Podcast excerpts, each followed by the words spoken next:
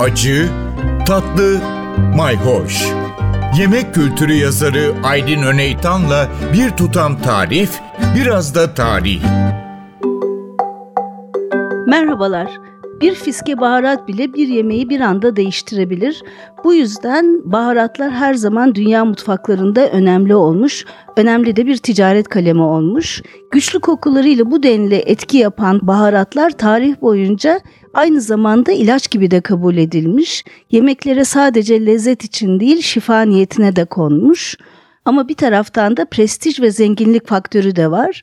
Şimdi bu şifa kısmına bakarsak aslında o konulara pek girmek istemiyorum ama mesela bizim mutfağımızda sütlü tatlılarda tarçın kullanmak adeti vardır bir muhallebiyi, bir sütlaçı, bir sütlü tatlıyı genellikle tarçınsız düşünemeyiz. Şimdilerde modern tıpta tarçının şekeri dengeleyici etkilerinden bahsediliyor. Bir zamanlar herhalde tarçın ilk geldiği zamanlardan beri bu bir şekilde kazanılmış bir öğreti. Tarçının kökenine bakarsak aslında darçın kelimesinden geliyor. Dar ağaç demek Çın ise burada Çin anlamına geliyor. Dar Çini yani Çin ağacı anlamında. Evet Çinlilerin de dedik mutfağında çok fazla baharat yok ama onların bir beş türlü baharatı var ki işte o baharatta da mutlaka tarçın da oluyor. Fakat e, Çin tarçını denilen kasya kabuğu oluyor. Tarçına benzer bir ağacın kabuğundan hemen hemen aynı lezzeti veren fakat biraz daha farklı olan bir ürün. Evet Çin mutfağında beş türlü var dedik. Bizim mutfağımızda da var dedik.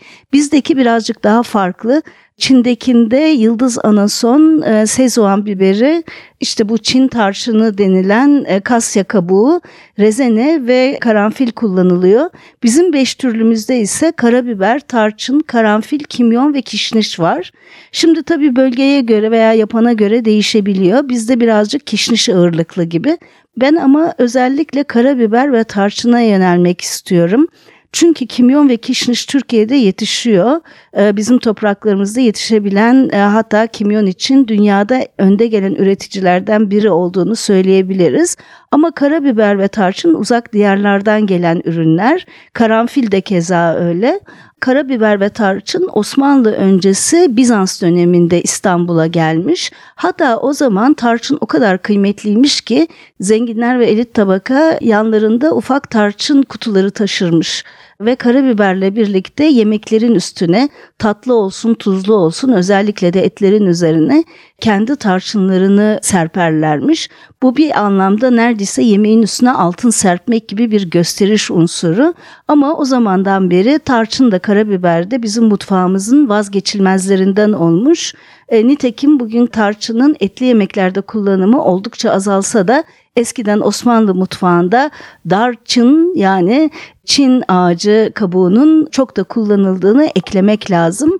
Evet baharatlarla ilgili ilginç bilgilere zaman zaman devam edeceğiz. Takipte kalın, hoşça kalın. Bir tutam tarih, biraz da tarif. Aydın Öneytan'la Acı Tatlı Mayhoş Arşivi ntvradio.com.tr adresinde Spotify ve podcast platformlarında.